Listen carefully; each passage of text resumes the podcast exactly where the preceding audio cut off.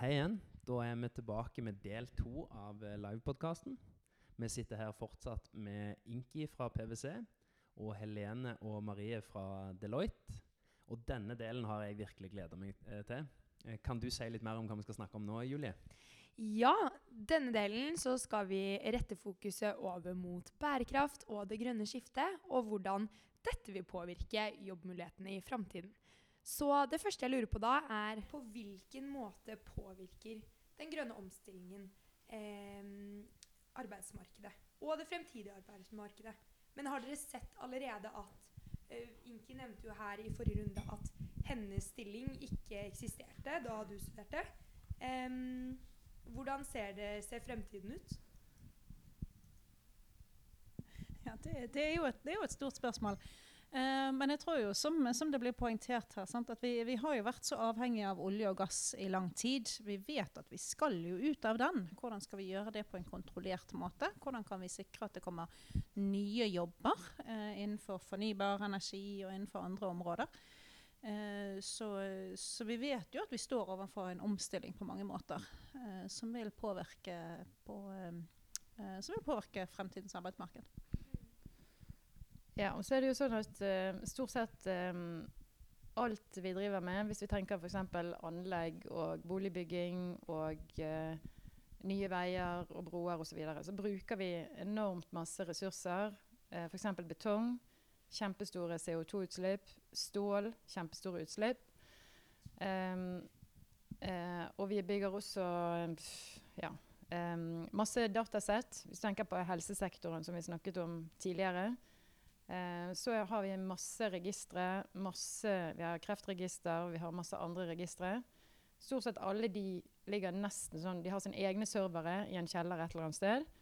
Eh, så de henger ikke sammen. Helt umulig å få data ut av de i tide for å løse og finne ut sammenhenger. Og, og vi bruker veldig mye av elektrisiteten eller fornybar energi på å drifte alle disse dataene som vi ikke utnytter godt nok.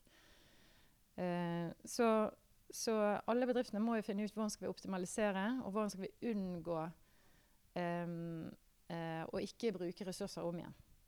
Så når jeg ser sånne store bygg som blir revet fordi at nå skal vi bygge noe nytt, så tenker du bare dette er jo et gigantisk sløsing. Det kan godt hende at det nye bygget eh, bruker veldig lite energi, men da har vi Når vi liksom knuser ned all den betongen og alt det stålet og alt som ikke blir brukt om igjen, Um, så har vi en gigantisk sløs sløsing.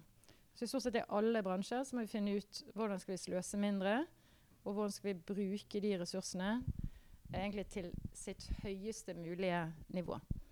Så hvis vi tenker søppel, så kan vi liksom ikke bare drive og brenne alt og bare få ut litt varme. Vi må finne ut hvordan skal vi få det inn i nye prosesser, sånn at vi kan, um, sånn at vi kan um, lage noe nytt. Så det er jo alt sånn Kan vi bruke biller? Kan vi bruke enzymer? Kan vi bruke mikroalger til å produsere noe nytt, spesielt av CO2? Mm. Eh, for det må vi jo kvitte oss med. Jeg er helt enig i det du sier, at sirkulærøkonomien, det å finne de nye måtene å kunne bruke ressurser om igjen og om igjen, eh, det, det tror jeg kommer til å bli et eh, enormt potensial og enormt behov for folk som kommer opp med de gode løsningene og kan produsere de. Ja, fordi i denne omstillingen så må det jo også skapes økonomisk vekst og økt produksjon. Hvordan skal man gjøre det kombinert med å en, altså flytte over kompetansen og eh, finne nye stillinger, f.eks.? En, jeg tok som sagt en eh, MBA i økologisk økonomi i Bodø for noen år siden. Og et av de store spørsmålene som ble stilt der, en vanlig MBA, for å si det sånn, går jo på dette med hvordan skal vi skape økonomisk vekst. En eh, MBA i økologisk økonomi stiller spørsmålet på en litt annen måte. Hvordan kan vi sikre et godt liv? Trenger man å ha vekst økonomisk? Kvantitativt? Kan man ha kvalitativ vekst? Jeg tror det er også ting som man må nødt til å se på. Kan man f.eks. ha et godt liv uten syv par ski i garasjen? Eh, kan delingsøkonomi eh, være noe som kommer mer inn i, i spillet her? Sant? Kan man dele på en kompostkvern mellom naboer istedenfor at hver person har sin egen, f.eks.? Eh, kan man tilby tjenester, eh, utleie av ting, istedenfor at alle skal eie hver sin? Eh, så det å, å kunne eh, kunne vri ting litt over fra den materielle veksten òg. Jeg tror det ligger store muligheter der til eh, økonomisk vekst, men uten at man nødvendigvis har den materielle veksten. Eh, og så er det jo et spørsmål om hvor, hvor langt skal vi gå. Jeg vet jeg er litt kontroversiell her nå, men det der, hvor langt skal vi gå i den økonomiske veksten? Kan vi få et bedre liv uten nødvendigvis å ha så enorm økonomisk vekst hele tiden? Em, ja, hvis, hvis um, det som um, Hvis vi tenker at eh, norsk BNP, bruttonasjonalprodukt, det er jo liksom det vi måler økonomisk vekst i i dag. Um, og det, det består jo egentlig av summen av bedriftene sine inntekter minus kostnader pluss lønn. Og i offentlig sektor så er det lønn. Så det betyr jo at hvis vi skal ha økonomisk vekst, så må, så må vi ha egentlig lønnsomme bedrifter, eller vi må eller vi må ha mulighet til å lønne veldig mange i offentlig sektor, som er en, eh, som er en stor sektor. Eh, så hvis vi skal ha lønnsomme bedrifter, så må jo vi klare å produsere ting på en mer effektiv måte enn eh, bedrifter i andre land. Og da kommer vi til å være avhengig av å bruke mindre energi, ha lavere CO2-utslipp, for det koster CO2-kvoter, eh, og bruke minst mulig råvarer for å produsere noe. Eh, så hvis du f.eks. har et bygg, så må du ha et bygg eh, altså, Hvis du skal lagre noe, så må, vi, må du finne ut hvordan kan vi bruke minst, eh, minst mulig flater, minst mulig materialer for å bygge bygget, og hvordan kan vi lagre ting og unngå å flytte det frem og tilbake hele tiden før det f.eks. skal Um, ut i Nordsjøen eller, eller ut til kunder. Så det går jo på å unngå sløsing og redusere transportavstander. Så vi har jo så det er egentlig bare det. Vi må skape lønnsomme bedrifter, eller vi må ha, ha effektive prosesser i det offentlige. Da kan vi skape økonomisk vekst uten å forbruke eh, så mye ressurser. Så egentlig så er bærekraftige bære, En bærekraftig strategi det er en som, som, eh, der vi bruker minst mulig, og vi får mest mulig ut av det vi, vi bruker. Så vi produserer mest mulig mat da, for minst mulig innsatsfaktorer, f.eks. Eh, og Samtidig som vi legger på at vi ikke gjør skade på eh, miljøet. Så f.eks. norsk akvakulturindustri, altså havbruk i Norge, så er vel ca. 80% av utslippene kommer fra fôret som fisken spiser. Eh, og, så, eh, og så har vi jo gans, i dag kanskje en del utslipp til sjø av eh, avfall fra sjøbaserte anlegg. Så da må vi finne ut Soyaen, som i veldig stor grad kommer fra, fra Brasil, vi, altså, det gir jo et veldig stort trykk på regnskogen eh, i Brasil. Selv om det ikke skal gjøre det.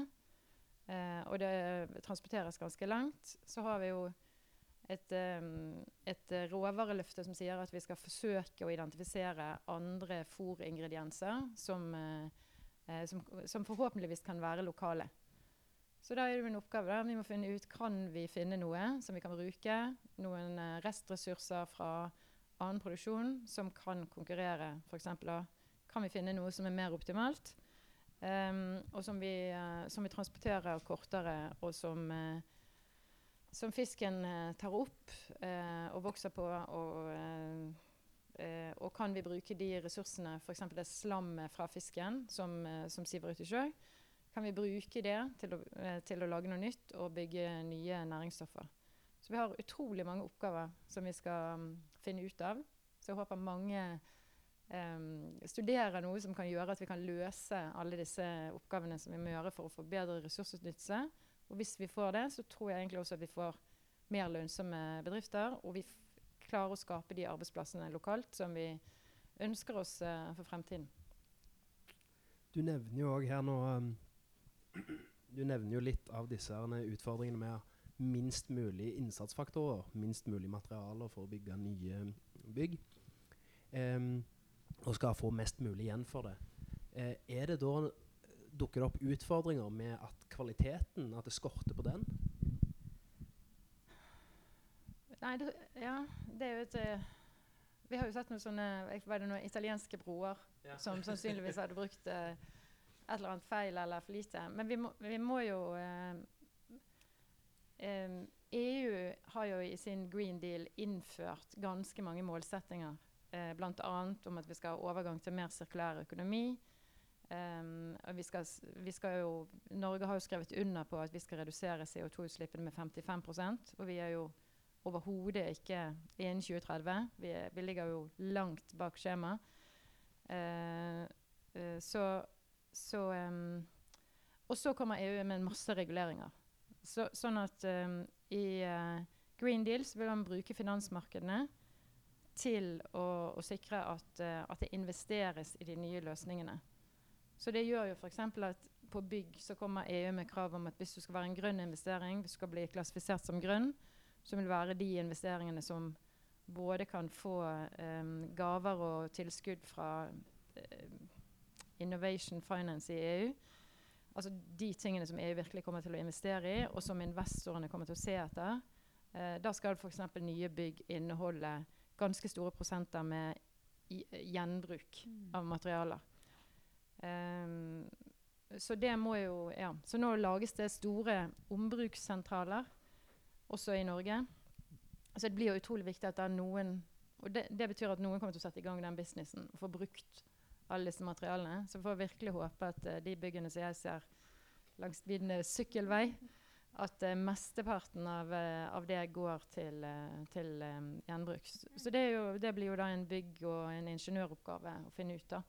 Hvordan skal vi bygge de byggene med minst Men det må jo selvfølgelig være en Ikke sånn standard at det raser sammen. Ja. Men eh, jeg syns du er inne på noe veldig interessant der. fordi det er jo nettopp dette med hvordan kan vi bruke materialer på en god måte. Og en av de tingene som man ser i forhold til eh, reguleringer, det er jo dette at hvis man skal bruke igjen f.eks. dette med gjenbrukssentraler. Eh, Det, det foregår jo nå prosjekter med, med gjenbruk av ventilasjonsrør, f.eks. Eh, hvis man skal bruke de, så skal de jo være en viss standard. De skal være merket på en viss måte. Men hvis man gjenbruker materialer som har vært fra tidligere, så har de kanskje ikke vært merket på, på samme måte. Eller man vet kanskje ikke hva er det som faktisk er i dette. Så jeg tror det kommer til å vokse frem teknologier som kan eh, måle kvaliteten på sånne elementer på en bedre måte. Eh, som kan måle kvaliteten på gjenbruksmaterialer. Hva er det som er i dette her? Hvor solid er det? Og så jeg tror det kommer til å, være stort potensial innenfor det området der. Eh, nettopp fordi at vi trenger å gjenbruke. Vi kan ikke drive på med den bruk-og-kast-modellen som vi har nå. Mm. Ja, og Dere nevner jo eh, flere ting vi må endre på. Vi har behov for ekstremt mye kompetanse. Men jeg tror de som sitter her, og studenter generelt, lurer veldig på hvilken kompetanse, hvilke utdanninger, hva er det vi kommer til å ha mest behov for for å løse disse problemstillingene? Tror det er veldig mye forskjellig. Jeg tror bærekraft kommer til å være i alle, eh, alle fag, egentlig. Vi kommer til å ha behov for, eh, for uh, ingeniører som kan komme på de gode løsningene. Vi kommer til å ha behov for jurister som kan uh, løse de, de utfordringene som, som kommer i forbindelse med okay, hvordan skal vi uh, tildele havvindlisenser på en mest mulig bærekraftig måte i forhold til lovkrav og den type ting. Jeg tror vi kommer til å ha behov for, uh, for eh, statsvitere som kan komme inn på okay, hvordan skal, kan vi implementere dette i et samfunn på mest mulig måte. Kom, all, alle sammen kommer til å bli involvert i bærekraftsarbeidet på en eller annen måte. Eh, så det å, å ta litt kursing, ta de fagene som finnes innenfor det området som, som man, eh, man ønsker å studere Jeg tror at vi kommer til å ha behov for alle hodene. At alle trekker i samme retning uansett hva man studerer. Og så, jo, så kommer det jo nye um, altså Det kommer jo kanskje da nye industrier. Nå har, um, nå har jo den norske regjeringen vært en av de som er lengst fremme f.eks. på åpning for uh, havbunnsmineraler. Um, og det kan jo høres ganske eh, skremmende ut. Og det er mange, mange organisasjoner som eh, egentlig bare går imot at man skal eh, undersøke. Men vi har jo på Norge eier jo Monryggen, som er en av de em, mest lovende forekomstene av mineraler. Vi vet at vi trenger masse mineraler for å bygge, eh, for å bygge fornybar både eh, vind og sol, f.eks., og det nye energisystemet. Eh, um, og, og, at eh, mange EU for eksempel, har jo sagt at de vil være selvforsynt i mye større grad, eh, også med mineraler. Og så vet vi liksom 73% av eh, kobolt som vi har i telefonene våre, um, eh, det ble utvinnet f.eks. i Kongo. Så det er jo sannsynligvis da kinesisk eide gruver. Stor risiko selvfølgelig for barnearbeid. Og masse av gruvene som fins eh, globalt på landjorden, eh, de har kommet så langt og har så dårlige mineralårer at det kreves enormt store vannressurser og gjøres veldig store naturinngrep for å få ut lite. Men hvis vi skal gjøre det, så trenger vi jo f.eks.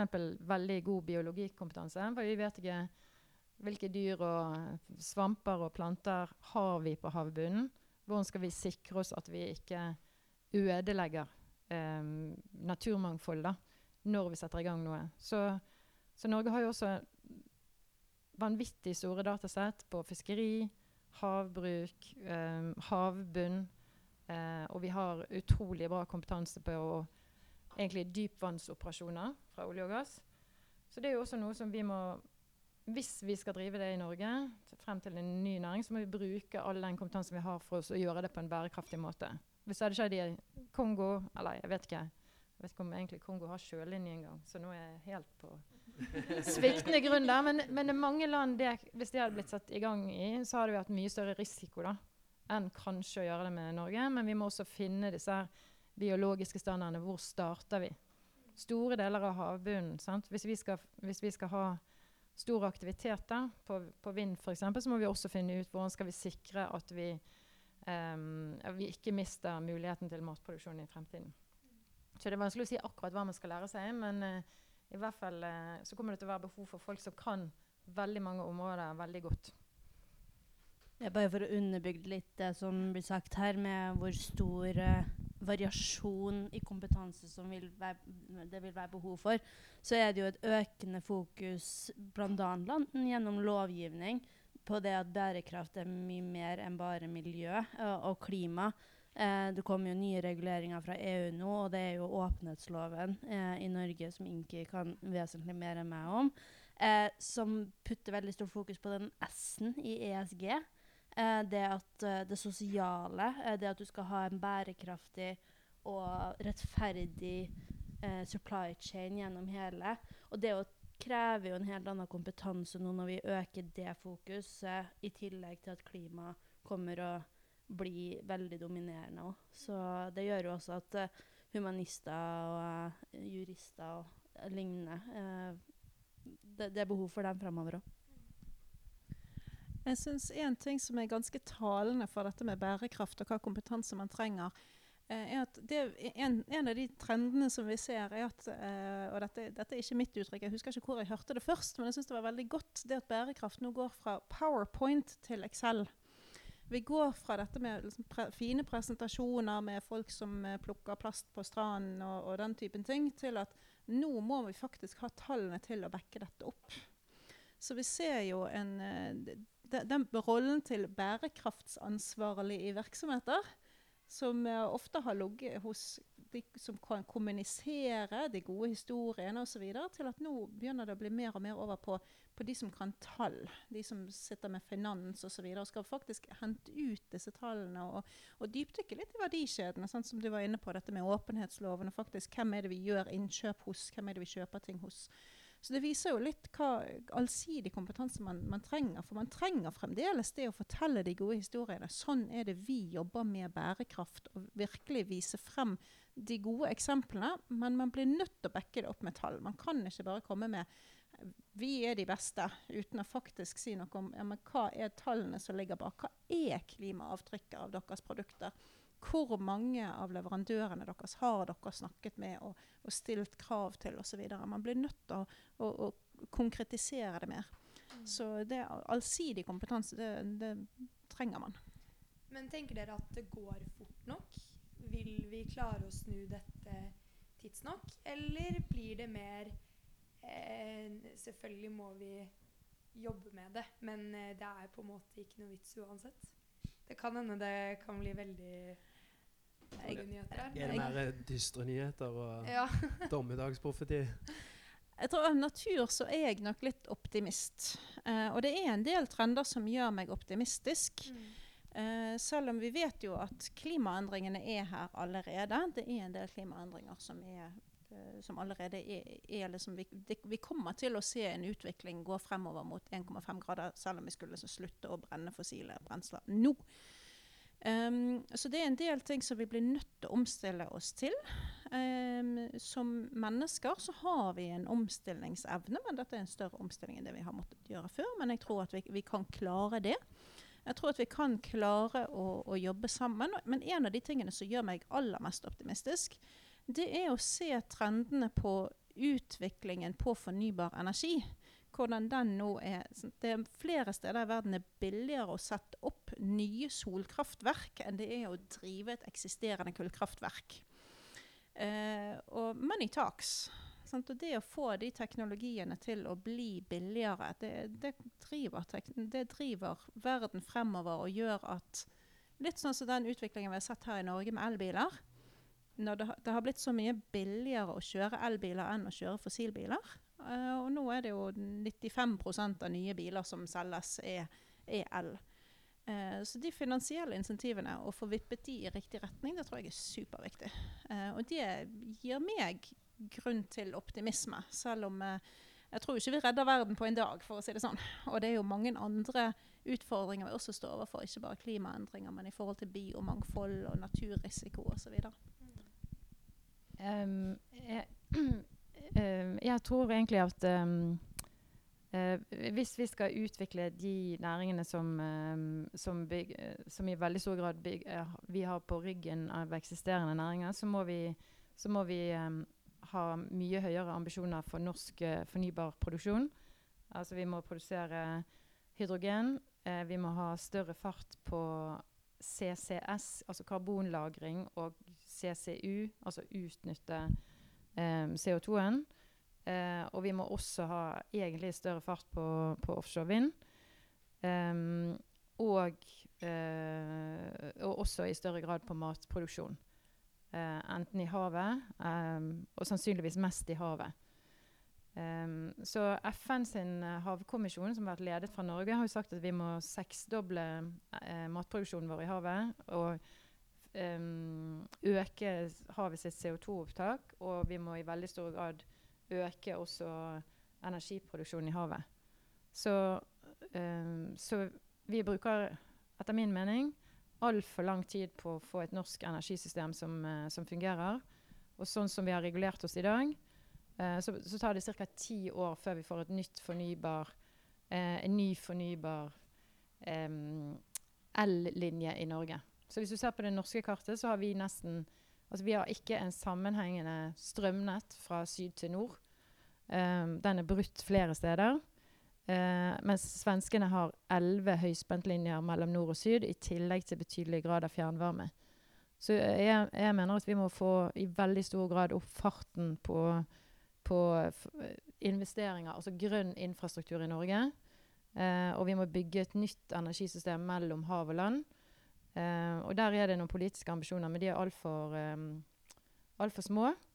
Uh, og så har jo EU innført hele Green Deal uh, og hvordan de skal oppnå målsettingene. Masse reguleringer som vi egentlig ligger litt bakpå.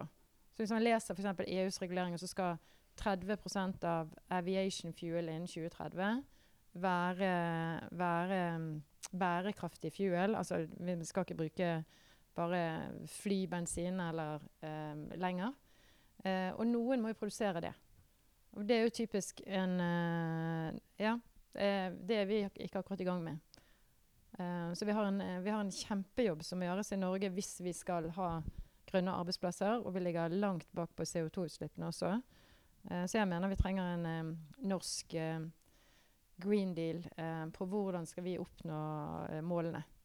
Eh, så der, der, trenger vi noen med kalkulatoren som regner på, på, det. Og hvis du ser på Europa og globalt, hvis vi skal nå 1,5-gradersmålet, så, så, så, ligger vi bare på 30% av investeringsnivået i fornybar energi. Så er det helt klart um, Sol har blitt så billig, så det kommer, det kommer, til å komme som en overraskelse. Men uh, i USA så tror jeg de stenger type ti kjernekraftverk, og de har åpnet ett. Og sannsynligvis så må vi også eh, løse noe av dette med kjernekraft. Hvis ikke vi skal erstatte en CO2-krise, altså en klimakrise, med en eh, naturmangfoldskrise. Mm. Mm. Og så synes jeg, det- jeg synes det er veldig interessant det du sier om, om reguleringer. Eh, for jeg opplever også at EU ligger, er mye mer ambisiøs enn det Norge er. Eh, og at norske myndigheter kanskje ikke helt tør å ta de grepene som trengs, mens næringslivet egentlig er veldig frempå.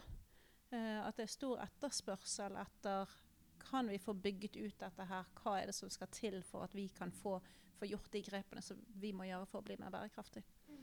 Så, så det er jo òg en ting som, eh, som egentlig er veldig positivt. Det er at næringslivet i mange tilfeller ønsker å pushe på. Ja, og når dere nevner flere av disse eksemplene, sånn som at eh, kull kommer til å bli dyrere enn sol, hva er det som er mest i vinden, og som dere tror kommer til å stikke seg mest fram, som eh, flere og flere kommer til å jobbe med for å gjøre ting stadig grønnere? Jeg tror det kommer til å være en kombinasjon av løsninger. Vi vet at dette med elektrifisering, som jo vi har vært inne på, på mange ganger, alt skal elektrifiseres. Sant? Vi skal bort fra, eh, fra industriprosesser som drives av, av kull. Vi skal, sånn, vi skal kanskje i noen tilfeller bruke hydrogen, men hvor skal den hydrogenen komme fra? Sånn, Kan man elektrifisere produksjonen av den, eller så må det gjøres med, med karbonfangst osv. Det er jo mye teknologi som ligger bak her. Eh, så, men jeg tror ikke vi kommer til å se én eh, én energikilde, f.eks. Her må det være en kombinasjon av mange ulike fornybare teknologier. Alt avhengig av hva er det som passer best for dette området her. Hvor er det solen skinner, eller vinden blåser, eller fossen renner, eller hva det skulle være. Og så må vi jo finne måter å gjøre dette her på en måte som ikke ødelegger naturen rundt der hvor, eh, ting, der, der hvor energien produseres. Eh, så f.eks. kan man sette opp solcellepaneler på eksisterende tak, og kan man ha eh, små vindmøller i industriområder. Og, og så ja, se, se litt på alternative måter å gjøre dette på. Mm. Og vi har jo um, utrolig mye spennende å snakke om. Jeg skulle gjerne hatt livepod hele dagen eh, rundt det her. Eh, men jeg lurer bare på sånn avslutningsvis. Bred kompetanse eller mer tilspisset kompetanse? Spesialisert. Hva er best for å, å skaffe seg flest muligheter i framtiden? Jeg har veldig troa på det som Maria var inne på tidligere, som NTNU jobber med, med tverrfaglige team. Jeg tror det kommer til å være Vi trenger begge deler, men vi trenger først og fremst å kunne jobbe sammen og forstå det sammen. Uh, jeg tror ikke vi kan den ene eller den andre. Og så er det litt sånn det sitter studenter her og litt uh, kanskje litt sånn OK, nå får jeg et vitnemål, og så er jeg ferdig. Uh, det tror jeg sånn Inki var inne på tidligere i dag òg, at det, det er det slutt på. på en måte. Man kommer ut med en kompetanse i å lære, og så er det det med å være nysgjerrig framover. Eh, jeg trodde aldri at jeg skulle sitte her og snakke om teknologi som statsviter, men det er noe med å liksom ta, bygge på, være litt eh, på en evig eh, kompetansereise. Eh, og det å ha den kompetansen til å jobbe sammen, tror jeg er det viktigste. Ja, jeg kan jo ikke annet enn å si meg enig i det. det der med å være fleksibel. Eh, jeg er jo litt tilhenger av at man har en bred kompetanse. Det vi ser, eh, det vi, jeg kan bare nevne det vi ser nå på PwC Consulting. Der er det behov for spesialister, fordi at vi trenger eh, det, det er det kunden etterspør. Sant? De har liksom ønske om spesialister på f.eks. det å, å se på klimafotavtrykket av produkter. Sant? Den livssyklusanalysen. Sant? Altså, vi har noen spesialister inn på det osv. Um, men det å ha den brede forståelsen som gjør at man kan, kan lære nye ting og kan eh, lett liksom se at, ja, men den, at man ser sammenhenger mellom ulike områder, det tror jeg er veldig viktig. Så det å ha én fot i, på teknologien, litt retta mot bærekraft, så skal det være ganske good. Jeg tror at da blir man ikke arbeidsledig med det Nei. første. det er godt å høre. Um, ja, tusen takk til Inki, Helene og Maria. Det var veldig spennende å ha dere i dag. Eh, hvis noen vil stille noen spørsmål eh, på slutten, er det selvfølgelig bare å gjøre det.